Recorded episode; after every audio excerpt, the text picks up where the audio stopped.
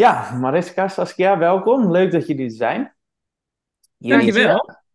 Ja, jullie hebben onlangs, of een tijdje geleden eigenlijk alweer een masterclass gegeven in de lampdragers. Wij hebben elkaar al eens gezien bij de nursing. Ja. En aan de hand daarvan hebben we besloten van, joh, laten we een keer een YouTube-video, maar dit komt natuurlijk ook als eh, podcast beschikbaar, om ja, gewoon eens te praten over wat voor tips geven jullie nou. En er zitten tien tips in deze video, maar die staan natuurlijk ook in de blog. Dus het gaat ook echt over de toepasbaarheid van, hey, hoe kan je deze tips nou gaan toepassen? En er zitten hoogstwaarschijnlijk ook wat nuances in die jullie zelf kunnen, misschien ook willen aanbrengen. Ehm, om bijvoorbeeld eentje te geven is ga meer doen in plaats van minder. Ik kan me voorstellen dat mensen denken, hè, moet ik meer gaan doen voor, nou ja, meer rust? Dat ja, Ja. kan misschien Ja. een beetje gek klinken, dus eh, laten we het daar ook zeker over hebben. Maar eerst ben, nou ja, ik ben eigenlijk niet benieuwd, want ik weet het. Eh, maar de mensen die luisteren zijn vast benieuwd, wie zijn jullie? Ja, Saskia, wil jij beginnen? Ja, zeker. Ja, eh, ik ben Saskia Brons. Hoi allemaal eh, voor de kijkers in dit geval. Eh, ik ben eh 47 jaar en eh, ik woon in Leiden. Eh, en ik heb een enorme zorgachtergrond. Ik ben verpleegkundige van huis uit, net als eh, Thomas. Hè? En eh, heb een hele poos op de intensive care gewerkt als kinder-IC-verpleegkundige. En heb het al met ongelooflijk veel plezier gedaan. Dikke pret, een leuk team. Gaaf om zo direct in de patiëntenzorg te staan. Maar uiteindelijk dacht ik toch, ik wil meer. Ik zoek meer uitdaging in mijn werk. Ik wil me gaan ontwikkelen. En toen ben ik het leidinggevende vak ingedoken. Nou, dat is ook echt een vak. Ik ben er ook in gedoken, letterlijk. Maar dat komt misschien straks nog wel aan bod. Mhm. Eh, ook met heel veel plezier gedaan. En altijd bezig geweest met de vraag van eh, hoe, hoe blijf je nou happy, fit en gemotiveerd aan het werk? Want de zorg is gewoon hartstikke uitdagend. Het vraagt veel van je. En tegelijkertijd is het gewoon een van de mooiste beroepen die er zijn, in mijn opinie. Ehm, dus ja, met die vraag me altijd bezig gehouden. En eh, ja, zodoende in het HR-vak gerold. Ik denk, nou, laat ik maar eens gaan kijken aan de beleidskant en de ontwikkelkant. Wat zou ik nou kunnen doen als het gaat over hoe blijf je nou happy, fit en gemotiveerd aan het werk in de zorg? Ehm, ik ga denk ik nu het stokje even aan Mariska overgeven. Want anders dan eh maai ik al het gras voor haar voeten weg. Nou, dat, is, dat eh, komt vast helemaal goed. We weten elkaar meestal wel ook goed aan te vullen. Dus dat, dat is geen probleem, denk ik. Nou ja, ik ben Mariska Wassenburg. Ik ben 46 jaar.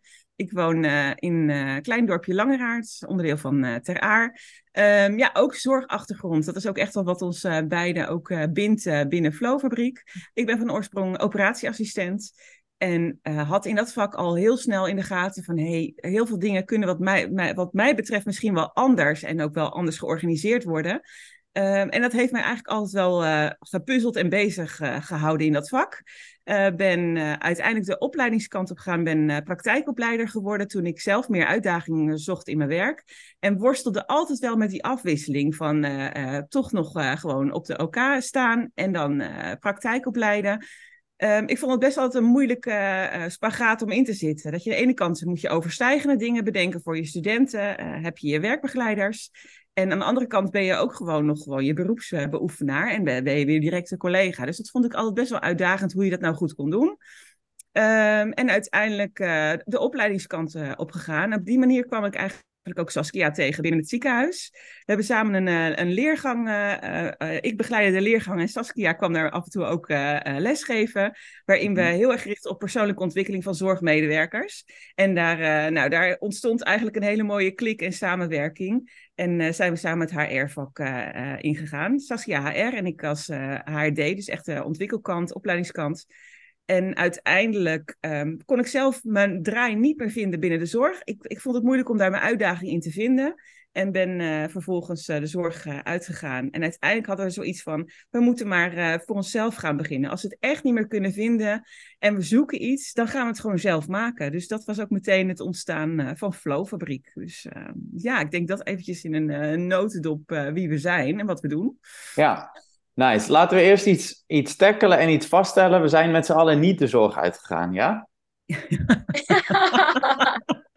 nou, we zijn nu direct de patiëntenzorg uitgegaan. Dat is het. Dan is We Ja. werken nog steeds we voor dat de zeggen? zorg. Ja, ja. Precies. Ja. Kijk, wat, wat ik altijd zeg is, ik heb mijn patiënten ingewisseld met zorgverleners. Dus ik ben niet, ja, niet, ik zit nog steeds in de keten. Ik ben alleen een stapje naar voren gegaan eigenlijk. Dus volgens mij wat wij doen is we helpen de zorgverlener beter ja, zorgen eigenlijk. En dat is dan nog steeds voor de ander, maar ook voornamelijk voor zichzelf. Ja, zeker. Ja, en dat is denk ik ook een beetje wat wij als Flowfabriek als, als, uh, als missie ook hebben. Hè? Dat, wij willen echt, uh, wij zeggen altijd tegen elkaar, wij willen ervoor zorgen dat zorgmedewerkers behouden worden voor de zorg. Uh, ik zie zoveel berichten van mensen die zeggen: Ik hou het niet meer vol. Wie heeft er tips en ideeën? Wat zou ik anders kunnen gaan doen? Heeft iemand nog een batterij aan functies voor in de dagdienst? En dan denk ik: Oh jongens, dat is echt. ik wil het zo graag voorkomen dat je grip krijgt op je werkplezier en je werkdruk. Mm-hmm. waardoor je wel gewoon in die zorg kan blijven werken. Dus ja, ik kan me helemaal vinden in wat je zegt, Thomas. Ja, en hoe komt het dat er op dit moment zoveel mensen ja, uitvallen, maar ook uitstromen, het moeilijk hebben. De instroom van HBOV is steeds lager. Jeetje, ja, nou, nou snij je gelijk echt een mega grote vraagstuk aan. Uh, volgens mij kunnen we hier wel drie podcasts over door, uh, doorpraten. Nou, laten we kijken. Ik hou wel, van, het, ik hou wel van het man-principe, dus wel zo kort mogelijk. Zo en kort mogelijk. Oh, dan hebben we wel een uitdaging met ons als uh, twee dames. Um, ja, ik denk dat het aan heel veel dingen ligt. Als ik nu mijn HR-pad even opzet, denk ik, het ligt enerzijds aan, natuurlijk, hè, aan, aan, de, aan de instroom van jonge mensen. Hoe komen die in een opleiding terecht en met welke verwachtingen beginnen ze nou zo'n opleiding? Hè? Wat is ook hun beeld van de zorg? Anderzijds denk ik ook, uh, wie zijn de organisaties die deze nieuwe studenten ontvangen op een afdeling? Hè? Want die mensen worden anders opgeleid tegenwoordig. Hè? Wordt, wordt echt, HBOV steekt anders in elkaar dan toen wij de HBOV deden met z'n allen. Uh, ja, zijn afdelingen daar bijvoorbeeld op ingericht om die mensen ook goed te ontvangen, goed te begeleiden. Uh, ja, die mensen ook echt goed tot hun recht laten komen op een afdeling. Daar zitten dingen in. Ja, werkdruk is natuurlijk gewoon hoog. Je hoort nog steeds heel veel mensen die zeggen van nou, uh, hou ik het wel vol. wat daarin ook denk ik wel meespeelt is de component um, dat, dat mensen gaan ook vaak pas in actie komen als ze denken van, oh, nou is het echt een dik probleem geworden. Uh, hè, je hebt ergens last van. En nou, dan zet je iets op Facebook of je gaat je collega's vragen. Van, uh, ik, je gaat een beetje mopperen. Uh, maar dan is het ook al zo ongelooflijk laat, hè? Dus ik denk dat dat ook niet helpt. Dat mensen dan ook eerder een keuze zullen maken van, weet je wat, dan stop ik er gelijk maar helemaal mee. in plaats van dat ik nog echt ga zoeken van, maar wat zou er nou nog wel mogelijk zijn? En waar zitten nou mijn kansen en mijn mogelijkheden? Um, ja. Dat was je korte antwoord. Dat was niet het korte, antwoord, maar nou, zijn wel mijn eerste gedachten. Ik vond het redelijk kort. Mariska, jij hebt vast nog wat andere, wat andere punten. Ja, nou, als ik, als ik terugkijk, inderdaad, uh, uh, nou, nou, als ik even twintig jaar terugkijk, dan kijk ik eigenlijk naar een tijd waarin uh, inhoudelijk qua studentbegeleiding, er zijn natuurlijk wel wat aanpassingen geweest, maar het, het, in basis is dat redelijk nog hetzelfde. Uh, het werk in de zorg. Er zijn heel veel innovaties geweest, maar de basis in het werk, daar is niet zo heel veel aan veranderd. En ik heb zelf het gevoel dat we, dat we um, de aansluiting daar een beetje in kwijtgeraakt zijn. En dat gaat niet van de een op de andere dag. Maar uh, ja, de maatschappij ontwikkelt zich en de zorg blijft redelijk uh, klassiek, zo klassiek zoals ik er naar kijk. Uh, en dan groei je eigenlijk uit elkaar. En dan is het heel erg moeilijk om één of twee stapjes terug te gaan. Uh, want dan vind je elkaar nog niet. We zijn twintig jaar lang uit elkaar gegroeid. Tenminste, zo zie ik het eigenlijk een beetje. Tussen maatschappij en werk in de zorg. Ja, en, en zie je elkaar dan maar weer eens terug te vinden. Dat is niet, niet even simpel opgelost. Dus dat is, uh, ja, zo zie ik dat eigenlijk. Ja. Ja. Mooi. Of nou ja, niet mooi. De realiteit. Nee. nee. Ja. um, zullen we het toch simpel proberen te maken? Hoe we het kunnen oplossen? Of tenminste, ja. Want het, het, ja, het, jullie, jullie hebben natuurlijk tien tips gegeven. Het mhm. zijn tien simpele um, en ook wel direct toepasbare tips in ieder geval. Ja. ja. misschien... Maar voor, ja, voordat we meteen de diepte induiken, hoe zien, jullie, ja, zien jullie überhaupt een oplossing van ja, ja. wat er nu gaande is? Ja, dat is precies wat ik wilde zeggen, Thomas. Want we kunnen, gaan natuurlijk zo heerlijk die inhoud in, uh, induiken om, uh, om iedereen die dit zit uh, ook te helpen. Als het gaat over je werkplezier en over hoe krijg je nou grip op die werkdruk. Want daar kun je echt, echt wel iets zelf aan doen, is ons idee. Um, maar wij hadden in de voorbereiding hadden wij het er ook samen over van ja, wij zien ook nu we de zorg uit zijn, hè, dat, is natuurlijk, dat zal jij zelf ook herkennen. En ik mag niet meer zeggen de zorg uit, maar niet meer in die patiëntenzorg zitten. Dan kijk je mm -hmm. gewoon letterlijk met een, met een afstand, omdat je niet zelf meer aan het bed staat. Dus je ziet letterlijk vanuit een ander perspectief um, waar kansen en mogelijkheden liggen. En ja, wij zien duidelijk, want wij, lopen ook echt wel eens mee op, de vloer. Hè? Dus wij doen ook coaching on the job, wij uh, begeleiden ook uh, teamleiders. Dus wij zien echt nog wel uh, het werk wat er gebeurt. Um, en door die afstand zien wij heel duidelijk, er is veel meer mogelijk als het gaat over grip op je werkdruk, aangeven uh, wat je eventueel anders zou willen. Um, daar is heel veel in mogelijk. En toen wij zelf in die zorg zaten, zagen we het ook niet. Hè? Dus even echt heel eerlijk daarin. Wij zagen dat zelf ook niet. Maar inmiddels zien we dat heel duidelijk wel. Dus is veel meer mogelijk als het gaat over grip op je werkplezier en je werkdruk. En dat in gesprek uh, komen met bijvoorbeeld je leidinggevende daarover. Dus ja, dus dat is denk ik even uh, uh, de nuance in het uh, verhaal van hey, hoe zijn we uit elkaar gegroeid? Dat is de ene kant. Ja. Maar aan de andere kant, er is ook echt wel heel veel mogelijk in hoe je het anders zou kunnen aan, aanpakken. En ja, zoals ik weet niet of, of jij daar nog aanvulling in hebt van hoe we dat zien. Ja, en, en, vooral denk ik ook, en het sluit wel aan op wat uh, Mariska eerder zei, is hè, hoe, hoe word je opgeleid? Hier word ik ook opgeleid uh, vanuit de blik op alles wat er niet goed gaat, hè? En op afwijkingen. En dat klopt ook, want daar word je denk ik ook verpleegkundige voor, hè? Je wilt er zijn voor je patiënt, maar je let vooral op dat wat er niet is, want daar ga je op acteren. En wat je vaak ziet, is dat je in de zorg met die blik dus ook eigenlijk naar alles kijkt. in je werk, maar misschien ook naar jezelf, naar je privé. Dus ga je zelf ook heel erg acteren op de afwijking. En dat maakt het heel moeilijk om juist die kansen en die mogelijkheden te gaan zien. Want het zit gewoon niet zo in ons DNA als uh, zorgverleners gebakken. Um, dat zou dan nog mijn, uh, mijn toevoeging zijn. En ik, ik, ik, herken hem ook hartstikke duidelijk. Want toen ik verpleegkundige was, terugkijkend, denk ik echt van... jee, wat was jij echt gewoon een mopper komt. Uh, hmm. In plaats van dat ik gewoon zelf echt iets wat mij niet zinde... gewoon niet als eerste dacht van... ja, oké, okay, het zint me niet... Maar wat zou ik hier nou eigenlijk zelf aan kunnen doen? Want ik denk dat die oplossing er veel vaker voorhanden was dan dat ik zelf heb aangegrepen in die tijd. Maar nogmaals, dat zie je pas als je eruit bent. Ja, en ja. hier wordt niet in opgeleid, hè? Want dat is en je wordt er niet in opgeleid. Ja. We zijn natuurlijk heel erg, worden heel vakinhoudelijk nog steeds uh, opgeleid. Tuurlijk hebben we tegenwoordig een overstijgende component, een leiderschapscomponent. Uh, die, uh, bijvoorbeeld kenmetsrollen, daar zit natuurlijk echt wel die overstijging wel iets in. Maar het is nog steeds maar een, een, een snipper. En heel veel mensen zijn er niet in opgeleid. Dus in, als je in het, in het werk terechtkomt, ja, dan, dan, wordt, dan is het ook best wel ingewikkeld om dat ook in te brengen. Omdat de rest van je team het gewoon veel minder gewend is. Dus ja, dat zien wij ook echt wel als uh, nou, reden dat je er ook niet in opgeleid bent. Om ook die andere blik en andere manier van kijken je eigen te maken. Ja. ja. ja, zelf geef ik wel eens het het voorbeeld wat volgens mij hier een heel goed voorbeeld is, als mensen zeggen van, joh, ik heb hoofdpijn, en verpleegkundige zegt dan direct, heb je wel genoeg gedronken? Of wil je paracetamol? Ja. En het is inderdaad een, nou, waar worden we in opgeleid als ik een patiënt zie? En ja, ik ben er zelf ook onwijs goed in, is altijd maar pro probleemoplossend bezig zijn. Ja. Terwijl er natuurlijk nog een aantal stappen voor zitten. Um, ja. Gelijk de actie luisteren. In, ja, het is inderdaad meteen de actie in. Wat veel, of wat ik regelmatig voorbij hoor komen, is dat een, het is van ga van doen naar zijn.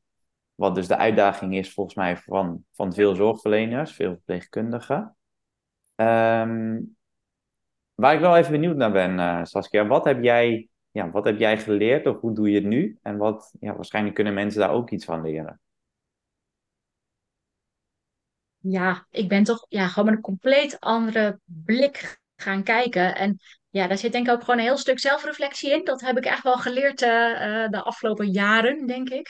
Om ook heel erg te kijken van, ja, maar wat maakt nou in mijn doen en laten en handelen...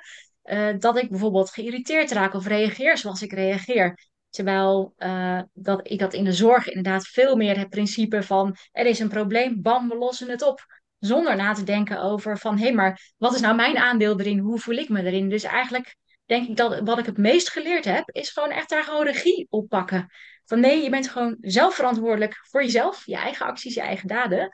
Um, ja, en, en, en ja, neem ook zelf de verantwoordelijkheid om in actie te komen. Als iets je niet zint, of als je denkt van hé, hey, ik stagneer in mijn eigen ontwikkeling, ik heb een ambitie, ik wil meer, uh, of ik zit hier niet meer op mijn plek. Uh, ga daar ook naar kijken wat daar je eigen aandeel in is en wat je zelf al kunt doen.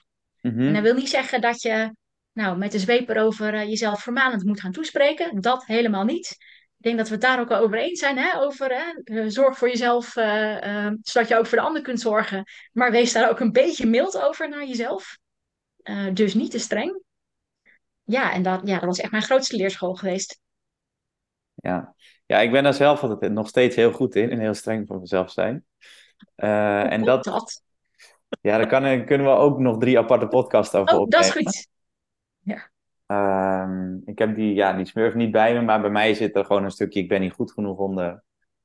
En vanuit mijn eigen coaching, of tenminste vanuit de coaching die ik geef aan verpleegkundigen, denk ik dat het ja, best wel nou ja, normaal is. En dat heel veel mensen daarmee zitten zonder dat ze het weten. Ja. Dus Ja. ik moet voor de ander zorgen. Ik moet rekening houden met de gevoelens van anderen. Ik mag anderen vooral niet tot last zijn, want dan ja, leg ik mijn probleem bij de ander. En dat willen we vooral niet. En volgens mij doen we dat omdat we niet helemaal content zijn met onszelf. Dat we niet ja, met onszelf kunnen zijn. Eh, gelukkig ben ik dat inmiddels eh, zeker wel. En ja, heb ik dat echt moeten leren. Maar dat is volgens mij de reflex die in heel veel zorgverleners zit. Eens. En dat is dus ook dat ping, ping, ping, oplossen gericht. Oké, jij hebt dit, nou dan ga ik het meteen voor jou oplossen. Waar eigenlijk ook een soort messias-syndroom onder zit. Zo van, oh, want jij kan niet zonder mij, want ik los het continu voor jou op.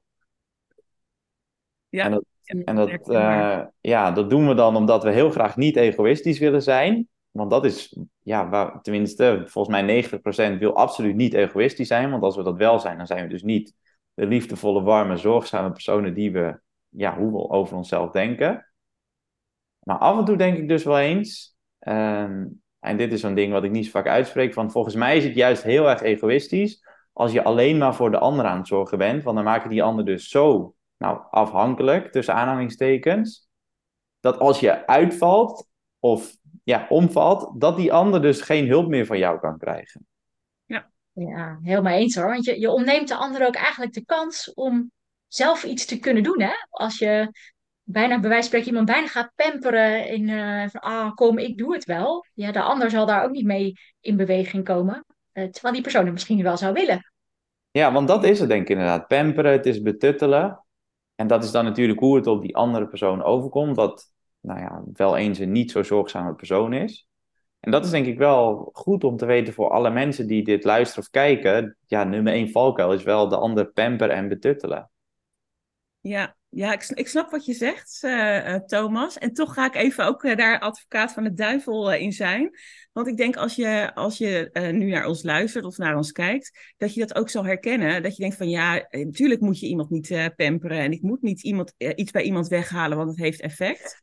Maar het is ontzettend lastig als je natuurlijk al een tijdje in een team meedraait om, om eh, dat soort signalen ook te herkennen. En vooral bij jezelf. Het Mhm. zal vaak nog wel makkelijk zijn als iemand altijd de rol, nou noem het maar even eh, overtreffende trap, de moeder overste in het team is. Ja, die zullen we allemaal wel kunnen benoemen. Maar bij jezelf blijven en kijken van wat doe ik nou eigenlijk, dat is echt best wel moeilijk. Dus ja, dus daar wil ik wel even de nuance in maken van hè, dat, eh, dat, dat, dat eerste stuk is één en dat wij het herkennen is denk ik ook voor ons net ietsje makkelijker. Ehm, maar eh, Saskia en ik hadden laatst ook even over van hoe maak je dat nou heel duidelijk? Hoe kan je nou daar wat zelf wat scherper naar gaan kijken? Soms moet je even met een andere blik eh, kijken naar je werkdag bijvoorbeeld. Ehm wij hebben laatst een eh, boekje gelezen dat ging heel duidelijk over. je hebt gewoon in een team verschillende taken en rollen. Je hebt, natuurlijk moet je goed voor jezelf zorgen. Hè? Dus daar moet je ook nou over nadenken. Heb ik vandaag goed voor mezelf gezorgd? Maar heb ik ook de rol in het team goed gepakt? Dus dan gaat het niet over zorgen voor dat team. Nee, ik, was onderdeel van het team. Dus ik hoor daar wel bij. En heb ik daar op een goede manier aan bijgedragen. Ja, en dan heb je ook gewoon nog het werk zelf. Hè? Dus je hebt ook gewoon de, de zorg verleend. En heb ik dat met mijn juiste kennis en kunde gedaan. En daarmee krijg je wel een, even een soort van, nou noem het maar, eh, even een andere manier van kijken. Waardoor je ook veel makkelijker kan kijken van, hé, ben ik er nou, ben ik er ergens ingetuind vandaag? Ging ik erin mee vandaag? Dus dat, Ja. dat eh, nou ja, ons hielp het wel om dat even wat concreter te maken van, oké, maar hoe ziet dat er dan uit? Wat doe ik dan? Ja, ja, absoluut. Goede aanvulling. En eh, kijk, het, het klinkt ook best wel zwart-wit natuurlijk. En er zit best wel veel flexibiliteit in. Want ik ben ook wel van mening van, joh, het is wel eh, belangrijk. En zeker voor, nou ja, voor ons en voor de mensen die het horen, eh, om zorgzaam te zijn. Dus dat zit, dat is ja, een niet onderhandelbare kwaliteit of voorwaarde om mens te zijn, volgens mij. Dus dat doen we sowieso. Dus ehm, wat, ja, wat misschien mensen ook wel kunnen, kunnen denken van... oké, als dit luister van... ja, moet ik dan helemaal niet meer zorgzaam zijn? Nee, natuurlijk niet, want dat zou identiteitsverlies zijn. Dat, is volgens mij niet een, niet een optie. Dus ja, tuurlijk, je moet voor de ander, of tenminste, je moet voor jezelf zorgen en voor de ander. En dat moet, een, ja, moet goed in balans zijn. Ja, precies. Ja, en die balans is echt heel belangrijk. Eigenlijk overal als je het woordje te voor kunt zetten, dan zit je al in de overtreffende trap. Maar het is onwijs moeilijk om te definiëren wat dan precies dat stukje overtreffende trap is. Uh, hè, wat Mariska denk ik ook al bedoelde was, uh, uh, ja, je moet je er eerst maar eens bewust van worden dat dit gewoon zo werkt, toch? En als je midden in de zorg zit, vaak ben je er ook helemaal niet van bewust dat dit zo werkt. Toch? Ik was daar in mijn vak eigenlijk helemaal niet zo mee bezig. Ik weet niet hoe dat voor jou was, Thomas. Nou, kijk, toen ik verpleegkundig was, was ik wel wat bewuster. Uh, omdat ik al een aantal keer bij een psycholoog had gezeten. Omdat ik wel wist van, oké, dit is wat ik wel altijd gedaan heb. Maar ja, alsnog zit je gewoon in, je zit in het zorgen voor de ander. Uh, ja, en soms gebeurt dat, kom je pas tot het besef, of tenminste kwam ik pas tot het besef van oké, ik heb, ben nu even te grenzeloos bezig geweest in het zorgen voor de ander, op het moment dat je er dus pas in zit, of achterkomt, want op het moment dat je erin zit, heb je het niet door. En dat is denk ik met alles zo.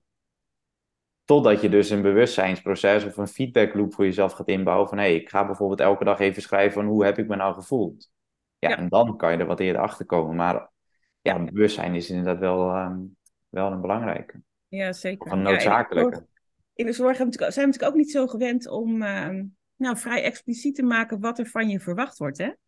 Dus het is, het is, we hebben heel veel ongeschreven regels binnen een team. Van wat is wel, wat is de mores hier, hoe doen we dat?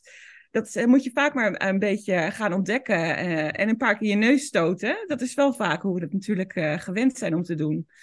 Terwijl, um, ja, als ik mezelf als voorbeeld uh, neem destijds, ik was best wel heel uh, timide uh, type in het team. Ik vond wel vaak ergens iets van, of had een mening of een idee, maar ik ging dat nooit zo, nooit zo uitspreken. Dus dat deed ik dan een beetje tussen de regels door en kijken hoe dat dan zou gaan.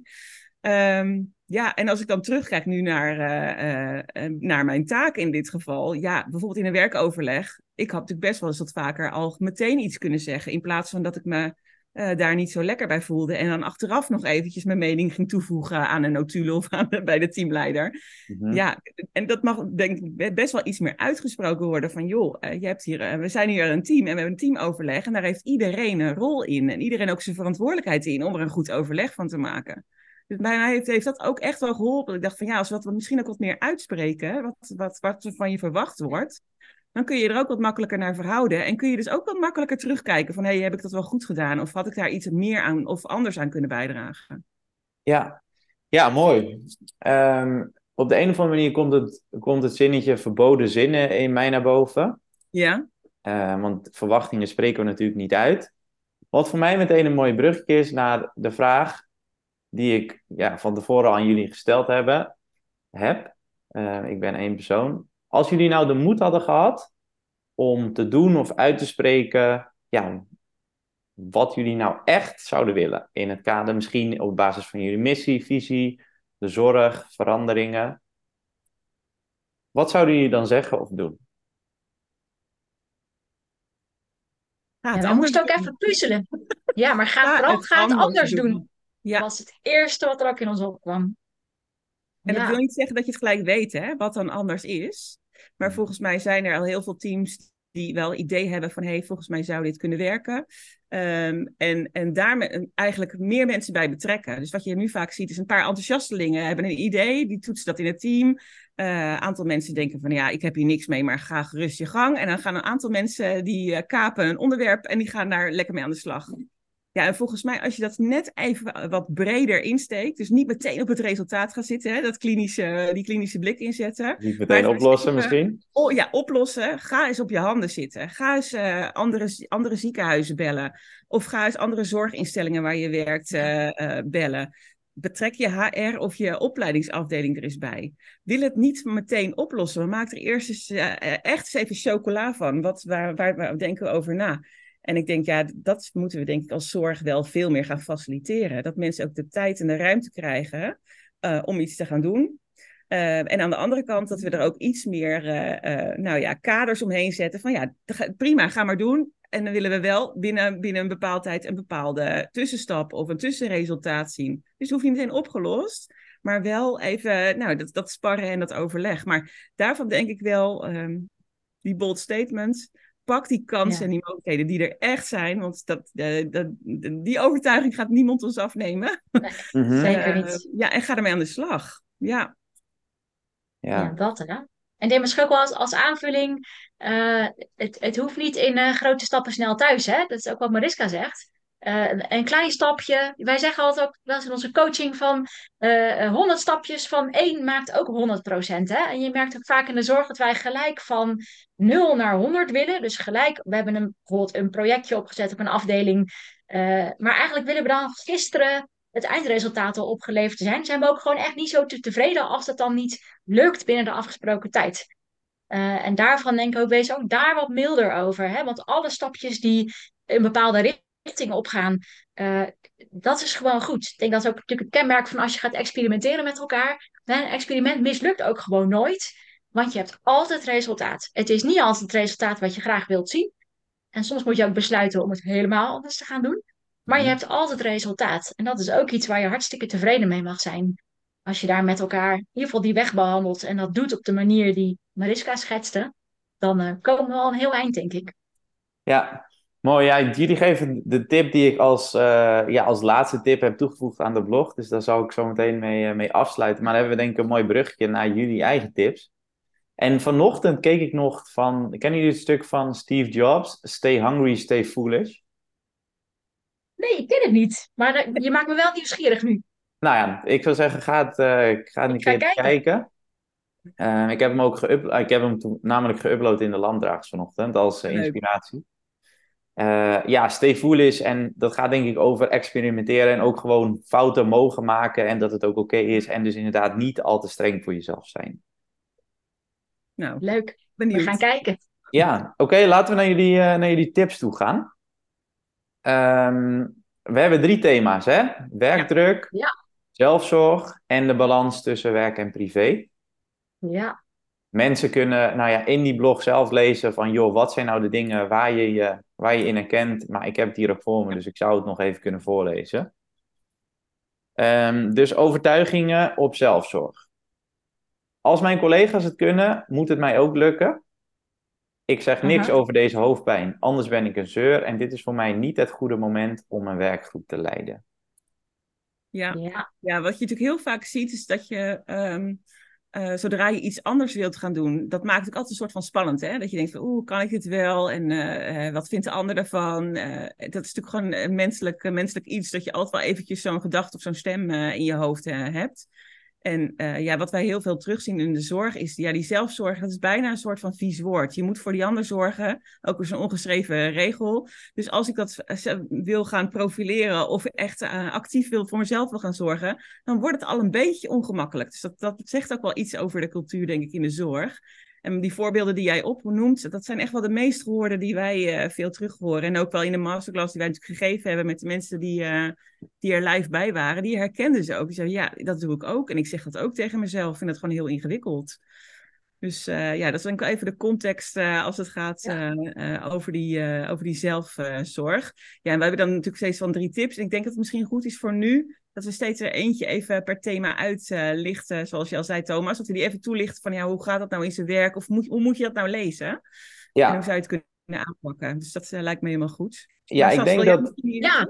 ja, misschien wil jij nog iets... want ik zou zelf zeggen, uh, of ten, misschien nog één stapje terug ik, ja, volgens mij herkennen heel veel mensen zich wel in, Ik neem eerst paracetamol, dan ga ik naar mijn werk toe, zelfs als ik koorts heb. Nou, ja. uh, ik werkte zelf in een ziekenhuis, de Primperan, de Temazepam. Nou, van alles en nog wat echt letterlijk werd uit de medicijnkast gehaald. Ik deed er zelf, ik heb het zelf ook wel eens gedaan. Je mag natuurlijk geen medicijnen pakken. Nou, dat weten we allemaal. En volgens mij doen we er met z'n allen wel redelijk aan mee. Tenminste, ja. als het uh, open en bloot um, klaar nou ja. ligt. Ja. Ik, werkte, ik werkte natuurlijk op een OK-centrum. En, het, en ik denk het meest aangevuld was de, gewoon uh, de paracetamol inderdaad. Nou ja, ja zeker. Hoeveel patiënten op een OK uh, oraal paracetamol nemen. En het mooiste was dan de oplossing. Hè? Daar moest ik achteraf gezien toch wel een soort van een beetje om gniffelen. De oplossing was dan de voorraad verlagen. Terwijl het dan eigenlijk zou moeten gaan over het gesprek van... hé, hey, het valt zo op. We hebben deze patiëntenpopulatie... die gebruiken eigenlijk helemaal niet zoveel paracetamol. Uh, hè, ja, ik, ik, snap echt dat jullie daar misschien wel eens gebruik van maken... maar vertel me nou gewoon eens even. Gewoon even hè, het gesprek op gang brengen... op een hele open en oordeelsvrije manier. Dat, kan, uh, ja, dat doet meer dan gewoon zeggen... we verlagen de voorraad. Want dat lost helemaal niks op. Ja, ja dus dat is weer zo'n voorbeeld van zo'n, van zo'n pleister, hè? Ja. En ik denk dat een, ja, jullie hebben drie tips. Dus nou ja, zet je klinische blik op pauze, gun jezelf me-time, maak dit concreet en maak een lijst van energiegevers. Jullie mogen zelf kiezen van, ja. hey, welke behoeft nou wat meer uitleg in ons oog? Ja, misschien de laatste wel, hè? Kijken we even naar Mariska. Ja, zeker. Ja, die laatste, hè, van kijk nou eens naar de energiegevers in je werk. Vinden mensen vaak best wel een beetje een ingewikkelde vraag. Van, hè, wat geeft me nou energie? Uh, maar eigenlijk, ja, dat zijn alle, alle dingen die ervoor zorgen dat jij gewoon met veel meer plezier naar je werk gaat en je werk gewoon ook veel beter kunt doen. Uh, en eigenlijk is het niet meer en minder dan, maak nou gewoon eens een lijstje en denk na over jouw werkdag. Welke dingen vond ik nou gewoon onwijs leuk om te doen? Waar had ik heel veel plezier in? Waar kreeg ik energie van? Uh, nou, het kan natuurlijk van alles zijn. Uh, maar dat maakt wel, als jij zo'n lijstje uiteindelijk, als je dat consequent bijhoudt, gewoon echt, doe dat nou gewoon eens twee weken achter elkaar. En ga dan eens kijken, wat zie je nu de rode draad uit? Welke dingen komen nou steeds naar voren als van, hé, hey, dit was een energiegever. En het allermooiste is namelijk, als jij dat dan weet van jezelf, dan is de vraag van, hé, hey, maar hoe zou ik dat nou meer kunnen gaan inzetten in mijn werk? Dus uh, uh, stel, er is een bepaald onderwerp, ik noem even iets, hè. Stel, er is een bepaalde werkgroep uh, waar je ongelooflijk veel energie van krijgt. Waar je ook echt al jouw effort in wil stoppen. Uh, ja, kan je dan het gesprek aangaan van... hé, hey, ik zie binnen die werkgroep heel veel kansen en mogelijkheden om het beter te maken. Omdat we beter resultaat halen of anders of sneller of meer gedegen. Kan je dan over in gesprek gaan met je leidinggevende. Van hé, hey, dit is wat ik zie. Ik krijg hier hartstikke veel energie van. Kunnen we daar dan ook iets mee? Kunnen we er iets over afspreken? Kunnen we dingen gaan uitproberen? In ieder geval het gesprek erover voeren dat is hartstikke belangrijk. Mooi, mooi, goede tips. En uh, bij mij komt meteen een beetje rebelsheid omhoog, dat vind ik altijd leuk. Dus uh, ja, aan de mensen die dit luisteren, uh, ja, nodig ook wat rebelsheid in jezelf uit. En als je nu denkt, ja maar dit en ja maar dit en ja maar dit. Um, ja, misschien als, als, als hulpmiddel, maak een lijstje met alle jamaren die je, die je opschrijft. Dat doe ik wel eens in trainingen. Ja, en je kan helemaal losgaan. En ja, steek dat briefje wat, bij mij, wat mij betreft in de fik. Want uiteindelijk gaat het erom dat je het wel gewoon doet. Precies ja, en, dat. En waar die misschien ook nog wel, uh, hoe je er misschien ook anders naar gaat kijken. Want ik, herken heel goed wat je zegt, Thomas, over inderdaad al die jamaren. Hè, van wat, waar, waar draagt het aan het bij en wat gaat dit nou helpen? Dit zijn natuurlijk ook wel punten ja, die vanuit, echt wel vanuit onderzoek ook blijken. Als je meer energiegevers in je werk hebt, ben je ook minder bevattelijk voor werkdruk. Dus, eh, dus op die manier um, maakt het ook een soort van legitimatie voor jezelf om het te doen. Hè? Dus het is niet alleen voor jezelf zorg. Het is ook op die, met goede zelfzorg lever je ook uiteindelijk betere patiëntenzorg. Uh, en heb je minder ja. werkdruk. Dus op die manier maak je het ook, maak het ook gewoon wel belangrijk, zo belangrijk als dat het is.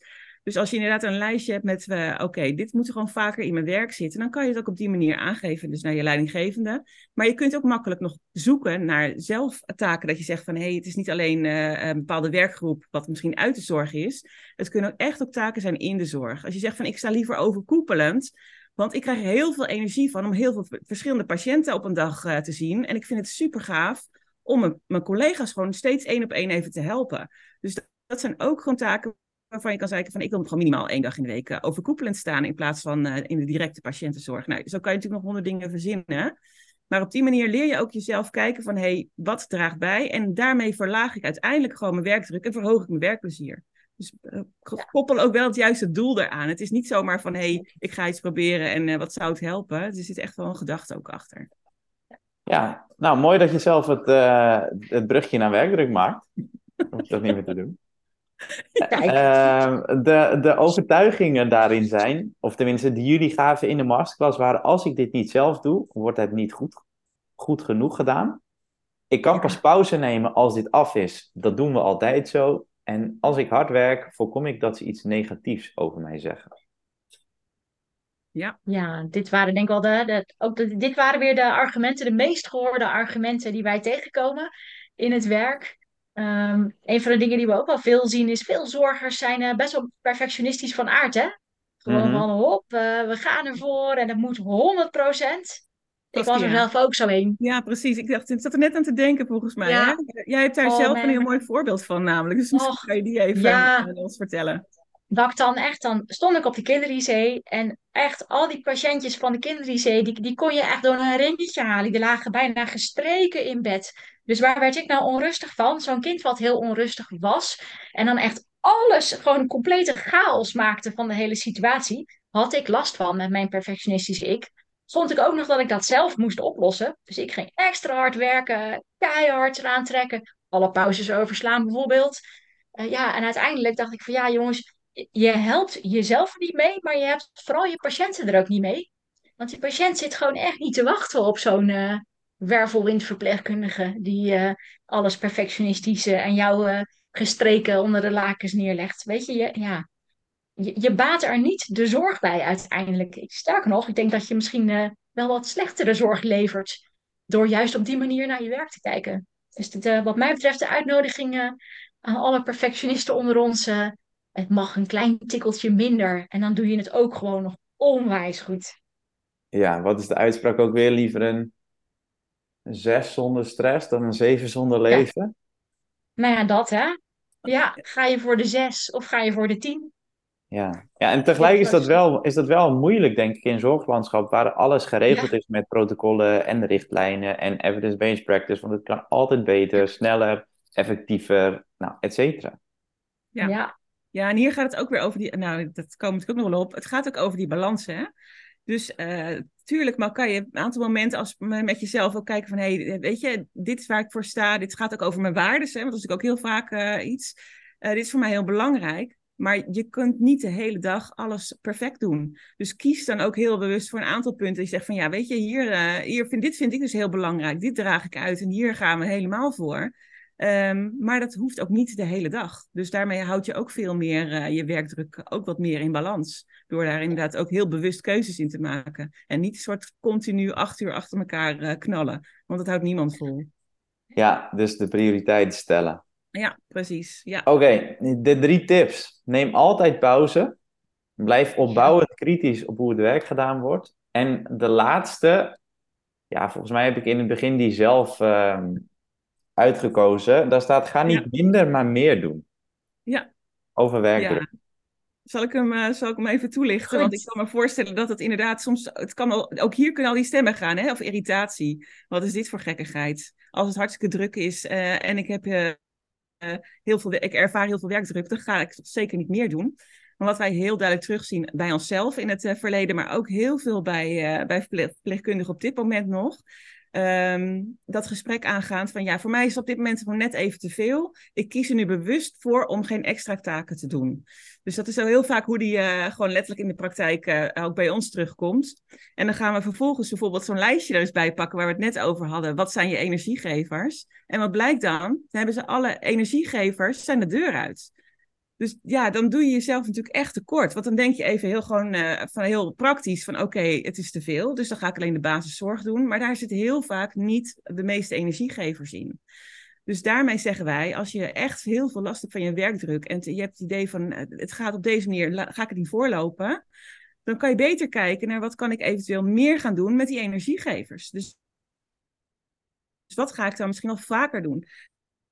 Welke, uh, welke taken ga ga ik eigenlijk vaker uh, doen. En, en, en daar dus je kan doen. En dat is echt een tegengestelde beweging.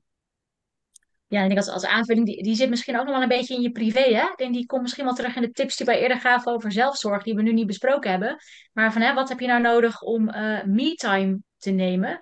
Me-time is niet, ik ga zitten, ik heb een mobiel voor mijn neus en ik ga een beetje Instagrammen, Facebook of whatever mm-hmm. je wilt.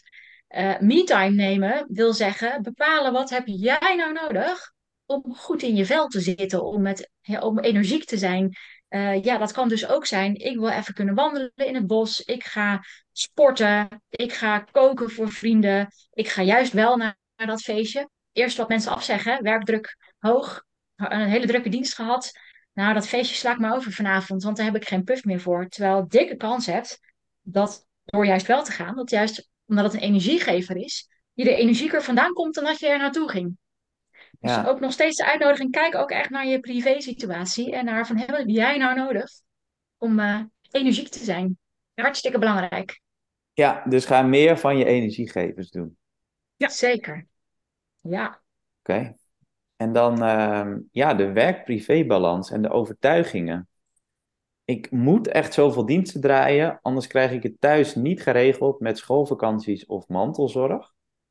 Ik kan echt niks anders dan dit werk op deze afdeling.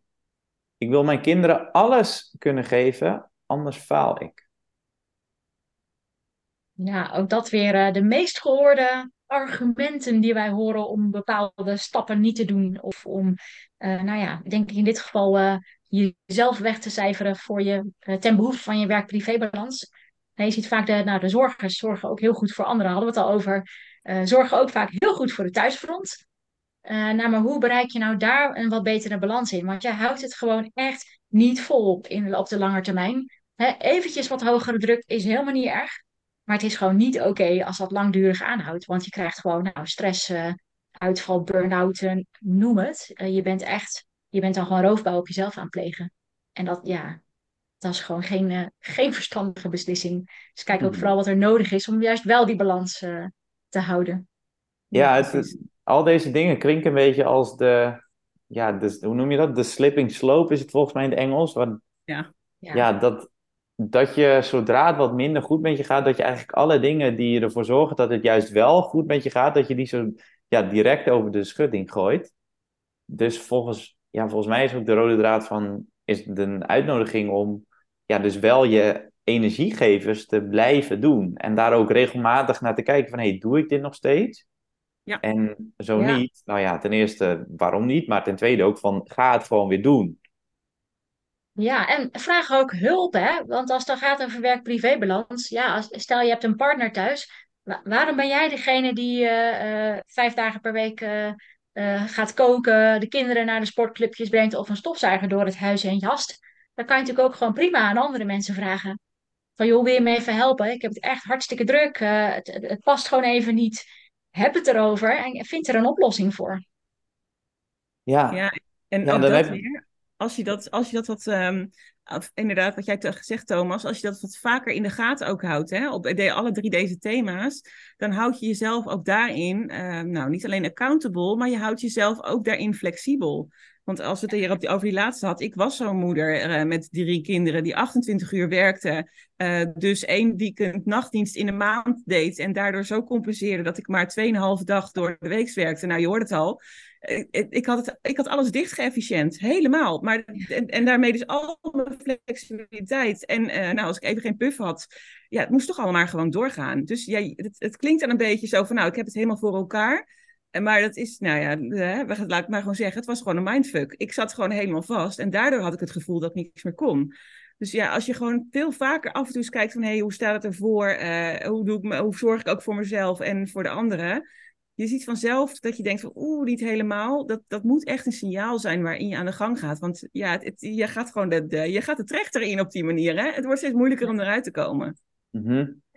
Ja, en jullie hebben eigenlijk al zelf, eh, nou, ten eerste nog twintig andere tips gegeven. Dus volgens mij kunnen, me- hebben mensen hier een heel stappenplan van, hey, hoe ga ik dit nou daadwerkelijk doen? Ehm, maar volgens, ja, jullie hebben de betrek je omgeving maar echt tip uitgelegd. En de andere Ja. twee waren nog check je agenda op blinde vlekken en anticiperen op periodes van druk of rust.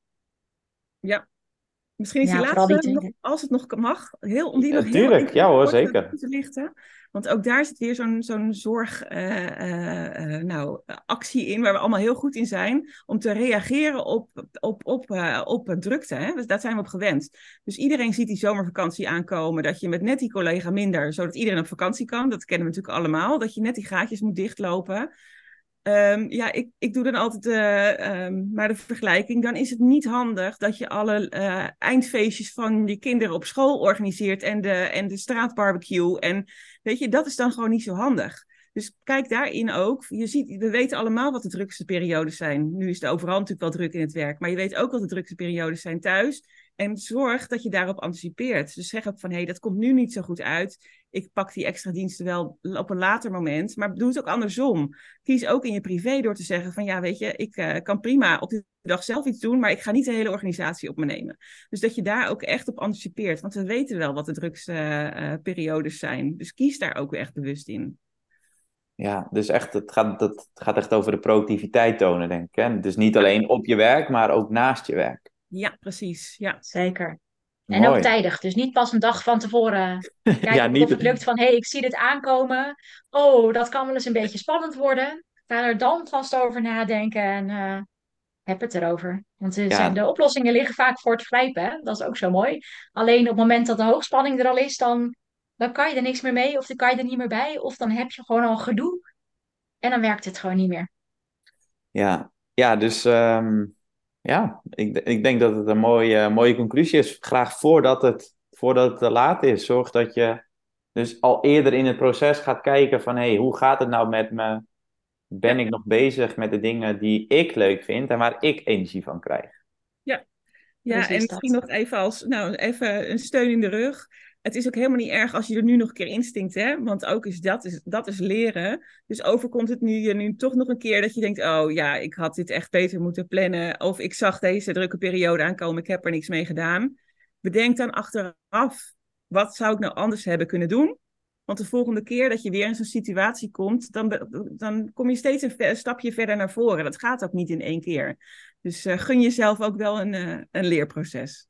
Ja, en denk dan ook, Mariska, Saskia en Thomas, die maken ook nog steeds fouten. Die weten het allemaal heel goed te vertellen. En alsnog focussen ze het af en toe op in hun eigen leven. Uh, dan denk ik dat we er wel zijn. We hebben... mooi. Of nou ja, jullie vooral. Het ging eigenlijk om 10 tips, maar volgens mij zitten er wel bijna 100 in. Wat ik al zei, mensen kunnen een heel stappenplan maken van... hey, hoe ga ik dit nou doen? Um, hoe ga ik dit nou concretiseren? En wat ik al zei van ja, mijn, mijn laatste stap. En Saskia, die zei jij eigenlijk al. Dit kan natuurlijk allemaal super overweldigend voelen. Dus ja, stel jezelf de vraag. En misschien is het voor sommige mensen fijn of handig om nu even een papiertje erbij te pakken. Van joh, wat wil ik nou in ieder geval gaan doen? Maar stel jezelf de vraag van hey, wat is nou mijn volgende stap? En wat kan ik nou vanaf nu of vanaf morgen ja, elke dag maar 1% meer of vaker doen. En dat, ja, begin daar gewoon eens mee. Met elke dag 1% een beetje meer. En zorg dat je dat onder de knieën hebt en ga daarna naar die volgende procent. Maar inderdaad, al, ja, ervan uitgaan dat je al deze zoveel tips direct kan gaan toepassen, dat is natuurlijk onmogelijk en een utopie. En dat hoeft ook helemaal niet. Dus wees daarin ook niet te streng voor jezelf. Precies. Nee, ja. klopt. Helemaal waar. Ja. Mooi. Mooi, mooi, mooi. Een hele lijstje, denk ik. Dus uh, kan iedereen lekker mee aan de slag. Ja, en ja. ik kijk nog even naar, naar jou, Saskia. Want het misschien, eh, wij wilden dachten van ja, misschien zijn er ook wel mensen die nog iets meer zoeken dan alleen, uh, dan alleen tips. Hè? Dat zou natuurlijk ook nog kunnen. Dat wilde ik ook nog vragen. Ja, hoe kunnen mensen jullie gaan vinden? Dat is misschien nou, ze kunnen ons uh, sowieso vinden via de website www.flowfabriek.com. Niet .nl, maar .com.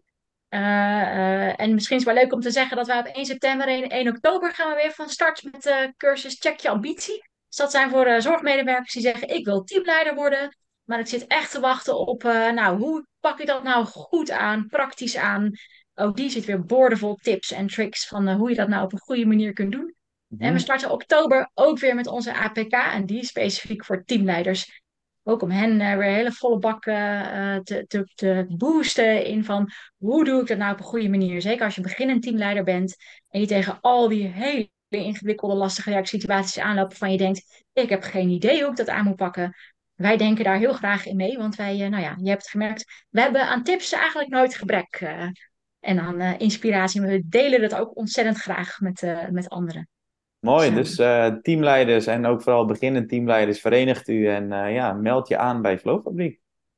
Zeker. Ja, ja, zeker. Ja, en mocht je nou in de tussentijd naar het kijken denken van ik ga me aanmelden, um, noem ergens eventjes bij de aanmelding dat je, dat, dat je via Thomas ook uh, komt. Want daaronder de aanmeldingen die zo binnenkomen, verloten we ook altijd nog even een extra coaching. Dus dan, dan heb je ook nog een extra toevoeging. Dus maak daar ook gebruik van. Nou, mooi cadeau. Mooi cadeau voor de, voor de mensen die zich aanmelden. Ja, ik wil jullie onwijs bedanken voor dit interview. Maar ja, nogmaals voor jullie masterclass. Maar ook voor het feit dat jullie uh, ja, lid, fan, ambassadeur zijn van de lampdragers. Het is nu alleen nog een uh, ja, online community. Maar in de komende weken en maanden gaat het echt een grotere beweging worden. Dus ja, ik vind het heel vet dat jullie uh, ja, daar deel van uitmaken. Nou, gaaf. Ja, want je gaat ook live, zag ik. Dus heel gaaf dat je dat gaat doen. Ja, ja, er komen mooie dingen aan. Er komen mooie dingen aan. Ik zal jullie zeker op de hoogte houden. Ja, ik wil je ook bedanken, Thomas, uh, dat wij uh, deel van jouw platform mogen zijn. En dat we met elkaar op deze manier uh, nou, de zorg ook blijvend kunnen ondersteunen. Dus ja, dat blijven we zeker doen. Ja, en ehm, tot nou, binnenkort. En voor nu heel erg bedankt. Helemaal goed. Tot gauw. Uh, nog een goede aanvulling trouwens van mezelf. Als je deze video leuk vond, druk even op abonneren. Dan krijg je de volgende waarschijnlijk ook. Want er gaan nog heel veel mooie gesprekken aankomen, zoals deze.